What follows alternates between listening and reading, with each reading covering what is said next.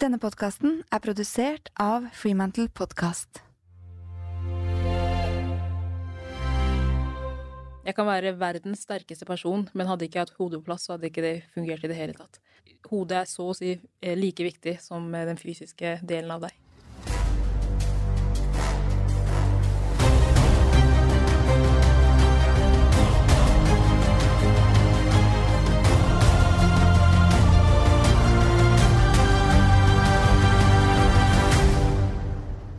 Jeg er mentaltrener Cecilie Ystenes Myhre, og i podkasten Grit skal jeg gi deg noe av hemmeligheten bak suksessen til ulike fremadstormende mennesker.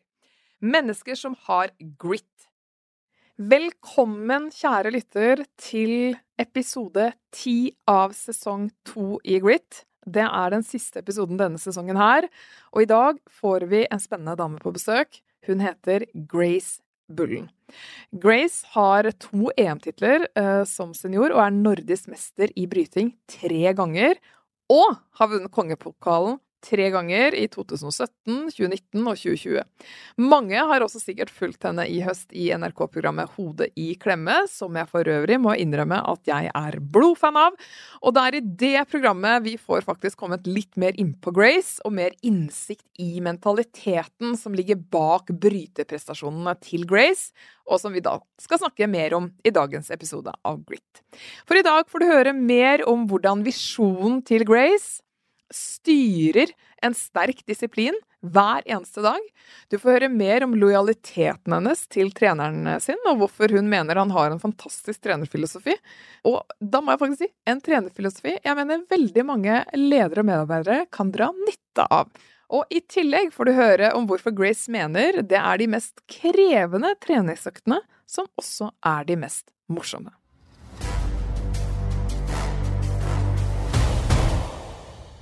Velkommen til Read Podcast. Tusen takk. Veldig hyggelig å se deg her. Du er jo ganske godt kjent for det norske folk, men likevel, Grace, kan ikke du fortelle kort om deg selv? Vel, jeg heter Grace Bullen. Jeg er 24 år gammel og driver med bryting. Jeg er på det norske kvinnelandslaget akkurat nå, og hva skal man si, hele livet mitt akkurat nå baserer seg på idretten og mesterskap rundt det. Du, Grace, det er så fantastisk fint navn. Tusen takk. Ja! Er det, noen, er det noen historie bak navnet? Kan jeg spørre om det? Um, ja, selve navnet betyr nåde, uh, men jeg fikk uh, navnet oppkalt etter legen som jeg hadde da, vi var i Afrika. For vi hadde en ganske vanskelig tid, og det var nesten mirakel i seg selv at jeg kom meg hit der jeg er i dag. Så jeg har egentlig Jeg har ikke sagt det til så veldig mange, men jeg har egentlig to navn. Jeg har Grace, som er mitt fulle navn som er på fødselsattesten og sånn, men jeg har også et afrikansk navn som er, som er Alingi. Og det betyr engel, så Wow! Eh, ja, jeg tror de var ganske glad for å få meg, ja. ja. Eh, men du, du, sa det jo, altså før du kom til Norge, så hadde jo dere en, en helt spesiell reise. Du kan jo kanskje si litt kort om den, kanskje til de som ikke vet, og også liksom, hvordan den påvirker deg den dag i dag, da. Mhm. På godt og vondt, kanskje? Det gjør det. Jeg er født i Eritrea i 97. Og på den tiden så, eller før den tiden der, så flytta min familie fra Sudan. Fordi det var borgerkrig og egentlig veldig mye uro generelt i Afrika da. Den flykta til Eritrea, hvor jeg ble født, og ca. To, to, år etter eh, vi kom dit, så ble det litt mer krig der igjen. Eh, så vi har egentlig vært på flukt veldig mange ganger før vi kom til Norge. Så jeg var fire år. I 2001 så kom vi til Norge. Ja. Jeg tror det har påvirka meg mye mer da jeg var liten enn det gjør akkurat nå, eh, per dags dato. Fordi vi dro fra sted til sted, så etter hvert så ble min tilknytning til nye folk og nye steder og sånn eh, veldig sperra. Jeg ville ikke bli kjent med folk, jeg ville ikke hilse på nye folk, for det var så ofte at jeg måtte si hei og så ha det før jeg rakk å bli kjent med dem. Så etter for mange ganger med sånne ting, så trodde jeg at det skulle bli akkurat det samme i Norge. Så jeg var nok en veldig stille og, og lukka eh, liten jente. Mm. Og i dag er du jo en av Norges beste brytere og, og er ute og kjemper. Kan du si litt om hva det kreves av deg i en sånn type idrett? I en sånn type idrett så kreves det veldig mye disiplin. Jeg tror det er det som er vanskeligst å få til. Man vet hva man skal gjøre, man får servert hva man skal gjøre, men det er igjen det å følge det. Så disiplin er veldig stor, og respekten for planen man har, og man kommer veldig langt når man først vil, og har tro på at man kan klare det, egentlig. Mm. Så jeg tror at det er det som har fått meg hit jeg er i dag, er fordi at eh, jeg tør å ville, og jeg følger det strenge regimet som jeg har eh, fått fra, mine, fra mitt store team. Mm. Men den idretten her krever også at man er egoistisk, og det er veldig viktig for meg å være. Spesielt som barn, hvor jeg heller drar på trening enn å feire mine venners bursdag. Det betyr at jeg tenker på meg selv eh, fremfor andre på sånne småting. Og det er ikke bare eh, deres bursdag, det er selvfølgelig min egen også, og mine søsken. Så det er mye som jeg har måttet velge bort fordi brytinga har jeg elsket så mye. Det er veldig interessant at du sier 'velge bort' framfor f.eks. 'ofret'. Mm. Eh, er det sånn at du faktisk ser det på som, som en hobby som du jobber med, og som, hvor, hvor det ikke er et offer, men du bare velger bort? Eller er det også litt sånn Jo, vet du hva, tidvis er det offeret. Jeg velger bort, for hvis det hadde vært offer, så hadde det gjort på en måte litt mer vondt, eller at jeg ikke hatt muligheten til å gjøre det. Hvis du sier at man ofrer noe, så er det nesten som noen tvinger deg til å gjøre disse tingene, og det syns jeg ikke. eh, For da er, du ikke, da er du ikke så glad i det som du vil være, på en måte. Tror du folk i næringslivet og sånn kan lære litt av det? Absolutt. Ja, det er utrolig mye man kan trekke fra eh, toppidretten som eh, mennesker generelt kan lære av. Og igjen det samme eh, som mennesker som driver med andre ting som jeg ikke kan, som jeg kan lære av. Og det prøver jeg alltid eh, hele tiden å finne ut. Hva mer er det jeg kan bli bedre på? Um, og det er veldig viktig når jeg f.eks. holder noen foredrag eller snakker foran en større forsamlinger og sånn, så er det viktig å kunne sette seg i deres sko. Ikke bare snakke, eh, trene masse, masse. For det er det jeg gjør. Det er det jeg trenger for å bli god på det jeg kan. Du sa at du hadde hatt samme trener, var det nå da i 20 år? Ja, I Ja. september så var det 20 år. Fortell meg litt om eh, han. George Costin, hva skal man si om han? er eh, Han har vært en av de viktigste menneskene i mitt liv. Uten han så hadde ikke jeg begynt på bryting, men eh, uten han heller så hadde jeg ikke fortsatt med bryting. Vi sykla sammen til trening fordi eh, foreldrene mine ikke hadde bil, og han kjørte meg om jeg trengte det. Eh, han bruker tida si på utøverne sine, og eh, det er ikke mange som har brukt så mange timer på meg som han har. Det er ganske lett for hvem som helst å si at eh, nok er nok, Grace, nå drar vi og tar oss pauser. Eh, Men han ser at eh, det er potensialet i meg, og det er derfor han har ønsket å trene meg, og jeg har ønsket å ha han som trener. Vi har samme mål og samme visjon for å kunne nå noe som ingen av oss har gjort før. Hva er den visjonen? Den visjonen er å bli olympisk mester. Og det jeg tror kanskje derfor jeg setter så stor pris på han, er at han ser ikke bare på resultater. Han skal også bygge eh, et menneske, en person som har mer å gi til verden enn eh, medaljer. Vi holder ikke bare på med fysisk, men også mye mentalt. For bryting er så mye mer enn bare fysisk at det er veldig nødvendig. Man må være utrolig sterk mentalt for å kunne holde på med det her så lenge, eller bare lite grann. Jeg tror all den tiden han har brukt på meg, har jeg forstått åssen det er å akseptere mye og tåle mye. Og så eh, ønske å lære nye ting, Ja. som er veldig viktig. Hele tiden være i bevegelse på et vis, da. Ok, for nå er du på et veldig høyt nivå. Hvor mye vil du si er fysisk, og hvor mye er mentalt? Der du er nå. Jeg klarer ikke å si sånn prosentvis, men jeg vil si at eh, jeg kan være verdens sterkeste person, men hadde ikke jeg hatt hodet på plass, så hadde ikke det fungert i det hele tatt. Hodet er så å si eh, like viktig som eh, den fysiske delen av deg. Mm. Og så er det så gøy å høre, for du sier at han har brukt mye tid eh, med deg og på deg, men det er jo mange trenere som gjør det, men det er jo hvordan han har forvalta den tiden med deg, da, og det er Mm. kjempeinteressant å høre hvordan dere har jobbet både med visjon, ha et felles målsettinger, Mm. eh, og også mentalt, og akseptere følelser og tåle ting. Mm. Kan du si litt mer om dette tålebegrepet? Jeg tror George tidlig har sett eller skjønt at jeg tåler mye trening. Og det er mye fordi han har påført meg mye trening siden jeg var liten. Mm, Men det handler også om at jeg ser det han gjør, gir resultater. Og da lar jeg meg bli trent fordi jeg vet at det gir resultater. Um, Når det kommer til å tåle um, Jeg vil ikke si at det er ren tåling, men det er det å forstå at det du gjør, gagner deg på en eller annen måte. Så da gjør det lettere å akseptere og være optimist med, de, eh, med ting som er rundt deg. og hele tiden være åpen for nye ting, og samtidig beholde det gamle som er bra.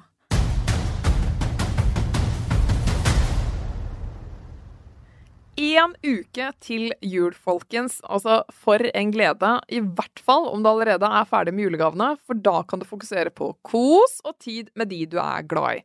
Og om du ikke er ferdig med julegavene, minner jeg om min annonsør Dagens Næringsliv sitt gaveabonnement. Det passer til alle som liker å lese kvalitetsinnhold om økonomi, samfunn og ledelse, og ikke minst trender, arkitektur og design. Det betyr sannsynligvis både onkel og tante, bror, søster, mamma og pappa, og ikke minst kollegaene dine. Årets julegave fra bedriften, kanskje, med gaveabonnementet til DN for den du gir det til, papiravisen levert hjem i helgen, og da inkludert D2 og magasinet, og alle fordeler du får som totalabonnent.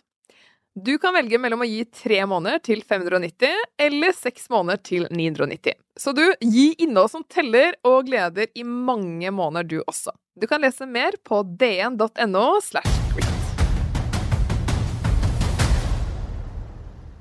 Kan du si litt om hvordan dere jobber mentalt? George er også lærer, så han kan veldig mye fra sin tid og har lett seg mer på bøker enn det jeg kan. Så vi jobber med gamle skrifter, gamle bøker som eh, er innad psykologi eller eh, filosofi, for å egentlig finne ut hva slags måter er det jeg føler kan få meg frem på best mulig måte. Så det er mye sånn vi jobber, i tillegg til at han har mye selv av erfaringer eh, i sin tid som Ehm, han eh, presenterer for meg, og så eh, prøver jeg det en liten periode. Går det, så bruker vi det. Gjør vi ikke det, så kaster vi til side, og så prøver nye ting. Mm. Eh, og etter så mange år så har vi funnet mye som fungerer, og andre ting som ikke fungerer like bra. Ja. Du, forberedelser er jo en stor del av jobben som idrettsutøver. Det er det for så vidt. Ja, mange roller. Men, mm. men, kan du fortelle litt mer hvilke mentale aspekter du tar med deg inn i forberedelser? Når det kommer til forberedelser, så er eh, selvtillit veldig viktig. Det er veldig viktig å ha det når man skal inn i så store mesterskap som vi deltar på. Og det er en ting som også jeg har mista et par ganger, glemt mye, men også fått igjen etter hvert. Det å tro på de treningene eh, man har gjort, er bra nok, er veldig viktig. Men igjen, så hvis du ikke har trent bra, så eh, skjønner man det ganske fort via tankene. derfor er det veldig viktig for meg å trene bra, for da har jeg bra selvtillit i treningene og har tro på at det jeg har gjort tidligere, er bra nok. For du rekker ikke å gjøre det. Eh, det hjelper ikke å trene hardt de siste to ukene når eh, de siste seks-syv månedene har vært eh, dårlig. Så igjen så, så, bygger du først og fremst selvtillit på å vite at du har gjort jobben som må til, da. Absolutt. Ja. ja. Men hvis du tenker som så at noen ganger, og spesielt f.eks. under pandemien, så ble det mm. kanskje utfordrende. Veldig. Mm. Og du fikk jo faktisk korona. Det, det gjorde jeg. Ja. Da sitter du litt igjen med hodet, da, og ser mm. hvordan kan du liksom forvalte det utgangspunktet du har. Mm. Hva gjør du da? De siste to årene har vært veldig tøft, og har måttet jobbe veldig med å skjønne at eh, jeg er Grace eh, Bullen, jeg driver med bryting, og jeg er utrolig god i det. Det hjalp ikke for meg å si det. Selv om jeg sa det, så eh, så fikk jeg det ikke inn. Jeg mista helt den sansen og det kruttet jeg hadde, den selvtilliten av at eh, jeg har trent i da 19 år og kan fortsatt bryting, men det mista jeg helt. Jeg fikk sceneskrekk av å dra på matta, og ta på meg bryteskoene var skummelt i seg selv. Alt det fordi at eh, jeg lå sengeliggende i to-tre dager. Det viser liksom hvor fort ting kan snu. Eh, for jeg har aldri følt meg så bra trent som jeg var i sommer i 2020. Og det å komme tilbake da i eh, januar 21 og føle at eh, Føle som du aldri har gjort en trening før. Det var helt jævlig.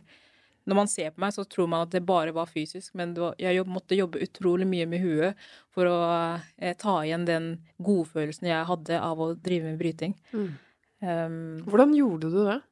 For å være helt ærlig så jobber jeg fremdeles med det. Mm. Det har vært veldig tøft. Eh, jeg har måttet snakke med teamet rundt hvorfor er jeg her. Eh, jeg må ikke glemme hvem jeg har vært, eh, og fremdeles er, egentlig.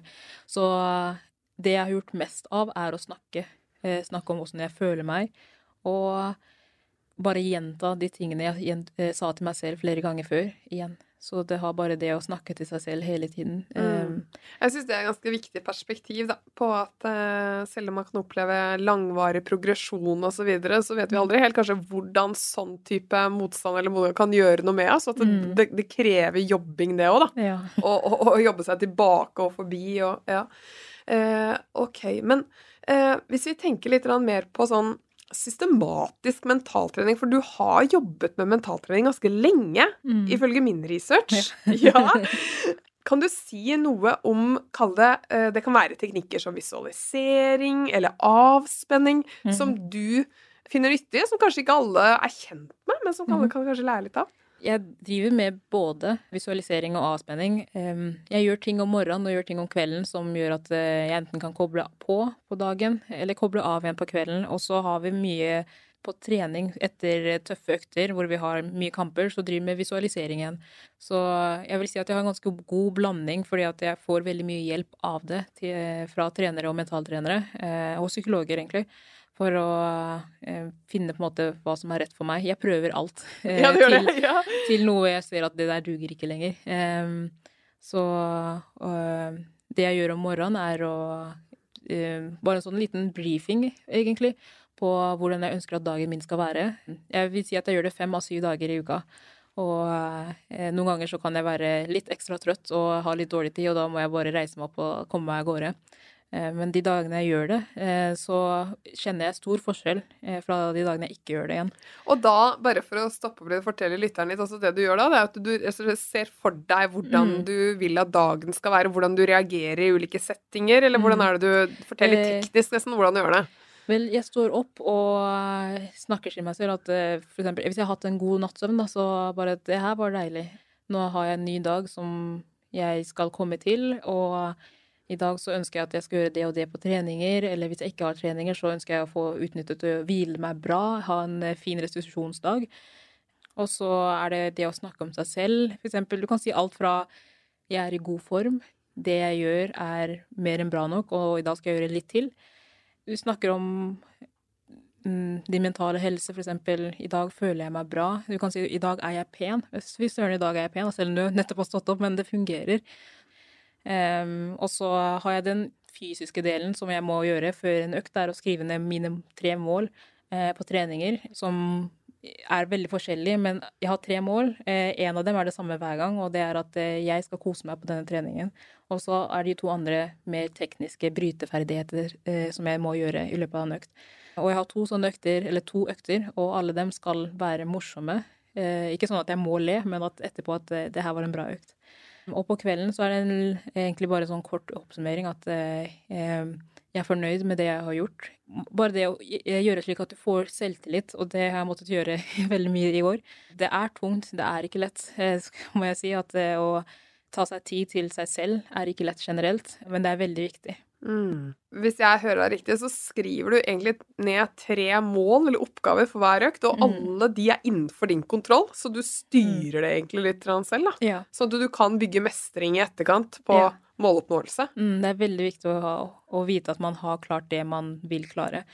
Og, men før eh, Jeg har gått på den smellen at f.eks. etter en trening så går jeg gjennom de eh, tingene og eh, skriver hva jeg må bli bedre på.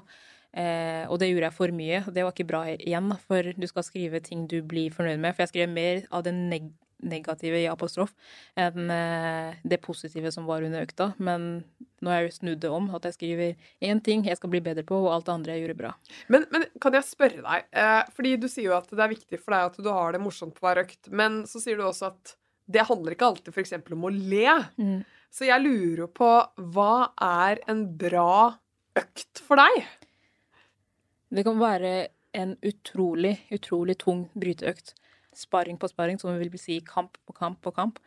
Og jeg er utrolig sliten, jeg, men jeg har fått ut alt. Eh, det er ikke sikkert jeg smiler etterpå. Vi har ikke hatt noen leker på økta, men eh, selve økta har vært bra. Og jeg vet innerst inne at det gagner meg framover, og derfor er det en bra økt. Og jeg har det gøy, fordi eh, det gjør det lettere etterpå når jeg drar på stevner. Eh, og når jeg skal ut på mesterskap, at jeg har den selvtilliten. Fordi den ene økta, eller de øktene som var den uka, eksempel, så har jeg gitt alt. Og det gjør at jeg vet at jeg kan nyte av det senere, for da blir ting lettere. Så som andre ord, eh, krevende økter er Mm. morsomme økter i din Kre- verden. Krevende økter som jeg ikke gir meg på, er utrolig morsomme økter. Og det bygger selvtillit når det gjelder. Mm. Det tror jeg vi alle kan eh, dra inspirasjon av, kjære lyttere. For det er jo mange ganger at man tenker at en god dag på jobben, det er da alt flyter og ting går lett, Mm. og, og klappene på skuldra ganske sitter, sitter løst. Men, men det er også de dagene man, man må reise seg og reise seg og reise Mm. seg og reise seg. Ja. Med mye utfordringer. Med masse utfordringer, men Mm. hvor du bare kjenner at du har jobbet ganske godt. Ja. Ja. Har du lyst til å lære mer om mentaltrening og grit? Da kan du lese mer i boken min Mental styrketrening, eller boken Stå støtt som kom ut i 2021. Du kan også gå inn på rawperformance.no og lese mer om hva vi tilbyr av tjenester der. Alt fra én-til-én-samtaler, kurs, foredrag og utdanning.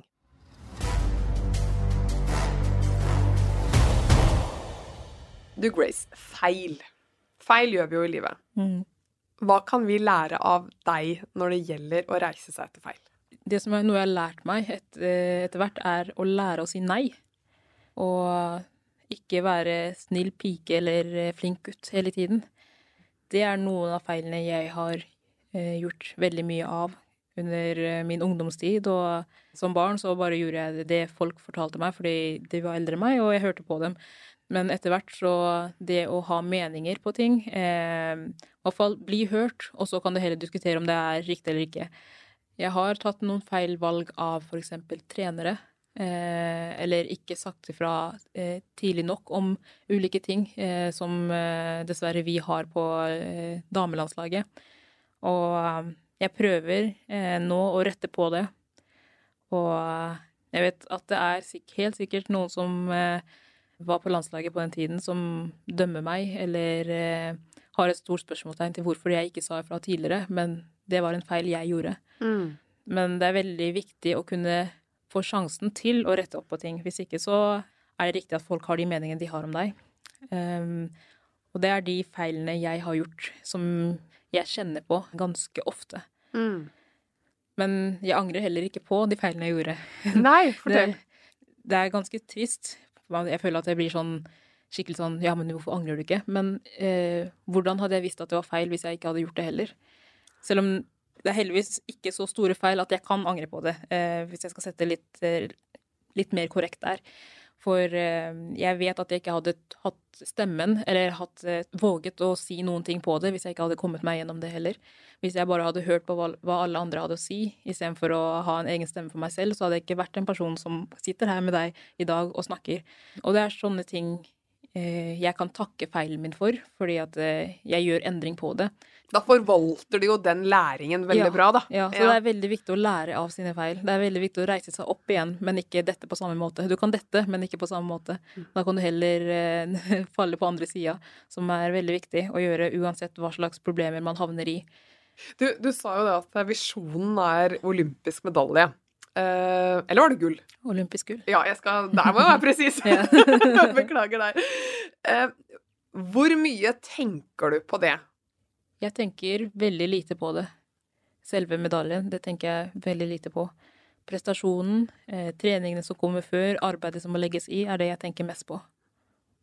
Fordi grit er jo i den derre evnen til å jobbe hardt for sine langsiktige mål og visjoner, fordi man kjenner at det er så attraktivt at jeg er villig til å gå gjennom mye, reise meg, trene masse, osv. Så, videre. så det jeg lurer på, er jo Er det det gullet som driver deg bevisst og ubevisst gjennom dagene, eller er det også noe mer? Det gullet er bonus. Det som får meg til å ville gjøre så mye, alt det andre rundt, alt de menneskene rundt, og alt det som kommer etter.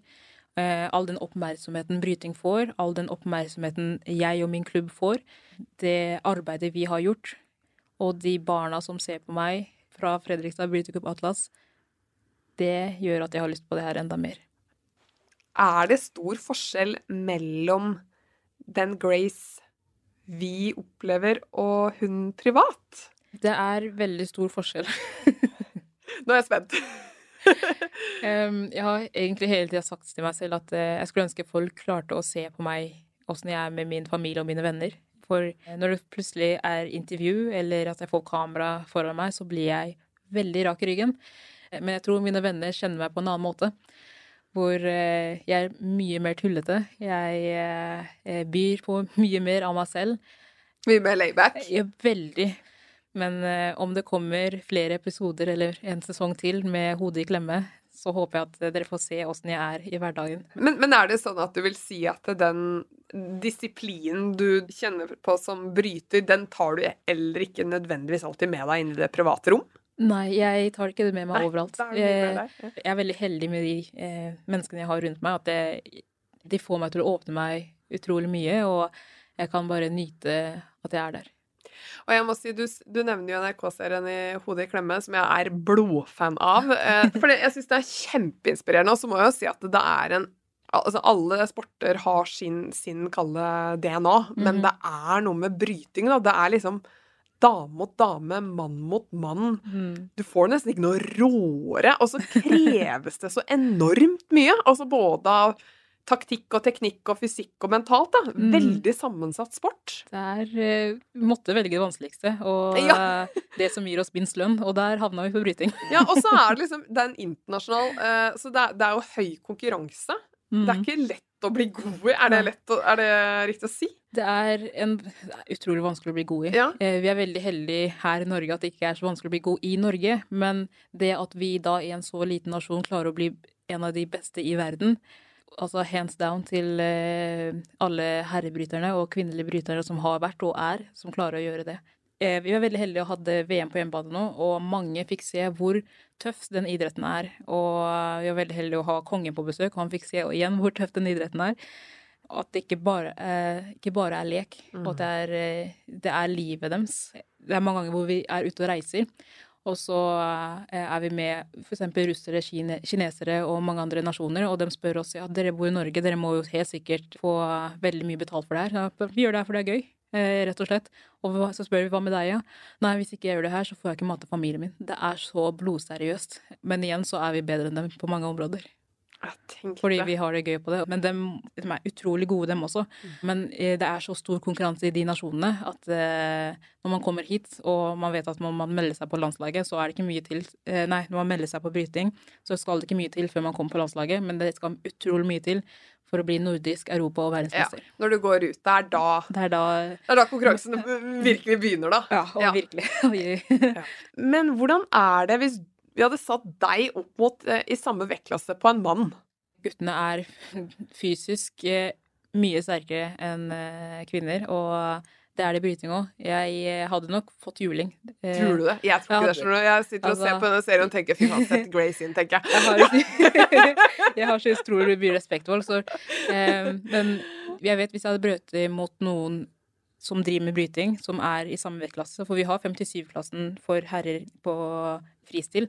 Og hadde jeg brøt mot dem, de som er på topp der, jeg hadde ikke hatt en sjanse. Jeg hadde kanskje fått et poeng hvis jeg hadde vært heldig, men eh, det er utrolig gode brytere. Jeg, jeg har brøtet mot gutter i Norge. Ja, det jeg har jeg. har, jeg har vunnet. eh, Ja, der så- ser vi. Der hører vi her, ja. så, men det er liksom på hvilket nivå igjen. Jeg var jo yngre, og eh, fram til eh, puberteten, som slo igjen på både jente- og guttesida, så da var jeg god. Men når den kom inn, så kan man si at jeg tapte godt, da. Mm, Men eh, Men er det, er, det, er det på en måte en god trening å trene mot gutter? Altså, trene ha, altså få litt hardere motstander? mm, det er god trening. Ja. Jeg gjør det til daglig. Jeg reiser ned til Romania og Georgia og trener med dem der. Ja. Eh, så, men når det kommer til all den fysiske, så gjør jeg det veldig bra. Eh, jeg holder meg eh, på samme treningsnivå som dem. Det er ikke sånn at jeg taper over alle, eh, men de topp er topp. Ja. Og så har man meg som kommer rett, rett under. Men jeg vinner over mange, men jeg vinner ikke over alle. Det, det, er noe fair, det er noe fair. Men du, Grace. La oss snakke litt om Fritz. Fordi Fritz er eh, da eh, trener for det norske herrelandslaget i bryting. Og vi følger jo også han veldig tett i Hodet under klemme, eh, NRK-serien dere alle er en del av. Og han fremstår jo som en veldig tydelig, spennende, dog krevende eh, trenerpersonlighet. Ville han klart å få fram eh, det beste i deg? Nei. Nei. Uh, igjen fordi at vi driver med to forskjellige grener. Men den stilen hans, da, tenker jeg. Nordnorsk. relativt direkte.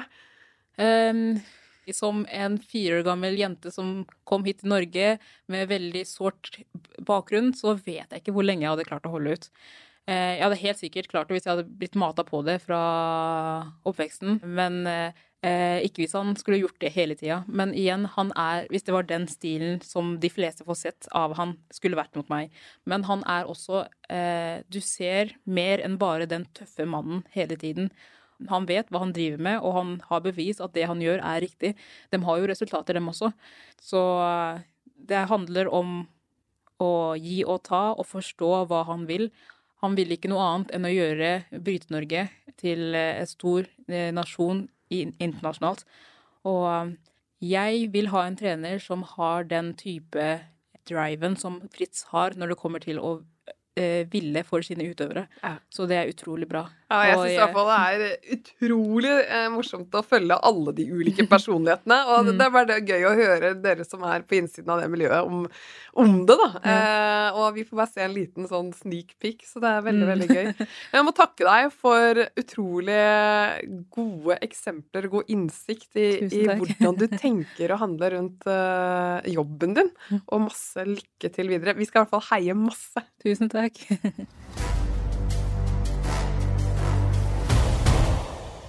Kjære Gritlytter. Da er vi altså ved veis ende i sesong to. Tusen takk for følget. Jeg syns Grace satte et uh, fantastisk punktum nå før jul. Vi er tilbake med en ny sesong i 2022, men fram til da håper jeg at du fortsatt vil lytte til gamle episoder og dra opp nyttige erfaringer og læringsaspekter.